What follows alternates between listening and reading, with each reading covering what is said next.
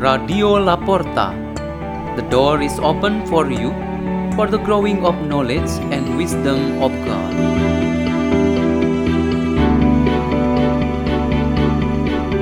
Delivered by Eka Wahyu and Precilia Orgreta from St. Peter's School in Jakarta, Indonesia.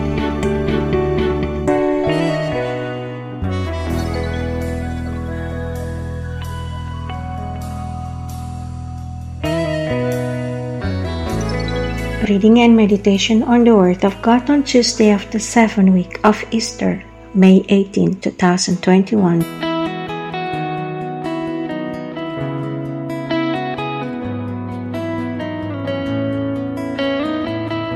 The reading is taken from the Holy Gospel according to John chapter 17, verse 1 until 11a. Jesus raised his eyes to heaven and said, Father, the hour has come. Give glory to your Son, so that your Son may glorify you, just as you gave him authority over all people, so that your Son may give eternal life to all you gave him. Now this is eternal life that they should know you, the only true God, and the one whom you sent, Jesus Christ. I glorify you on earth by accomplishing the work that you gave me to do.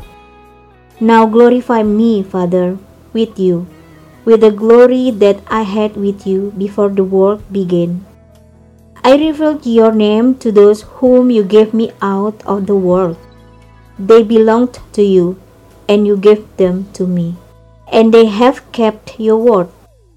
Now they know that everything you gave me is from you, because the words you gave to me I have given to them, and they accepted them and truly understood that I came from you, and they have believed that you sent me. I pray for them. I do not pray for the world, but for the ones you have given me, because they are yours and everything of mine is yours, and everything of yours is mine, and I have been glorified in them. And now I will no longer be in the world, but they are in the world while I am coming to you. The Gospel of the Lord.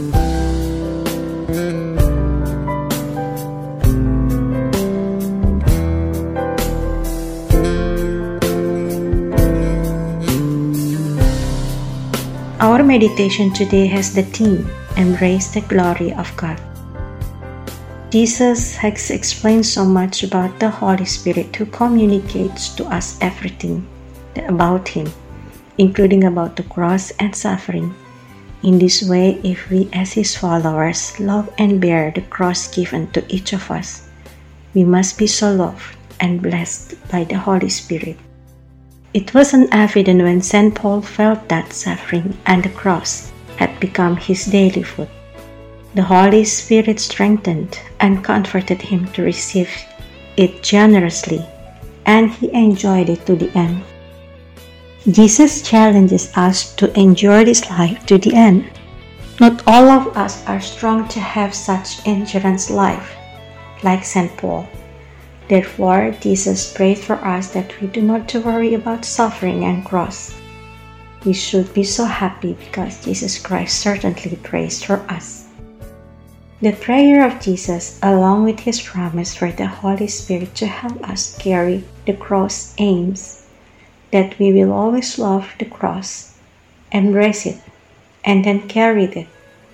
Before taking up the cross, we must embrace it first.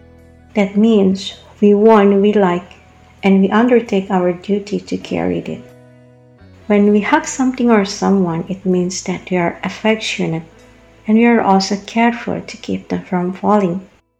We love the cross, so we also keep the cross from falling from us and even taken up by other people. This means that we embrace the glory of God.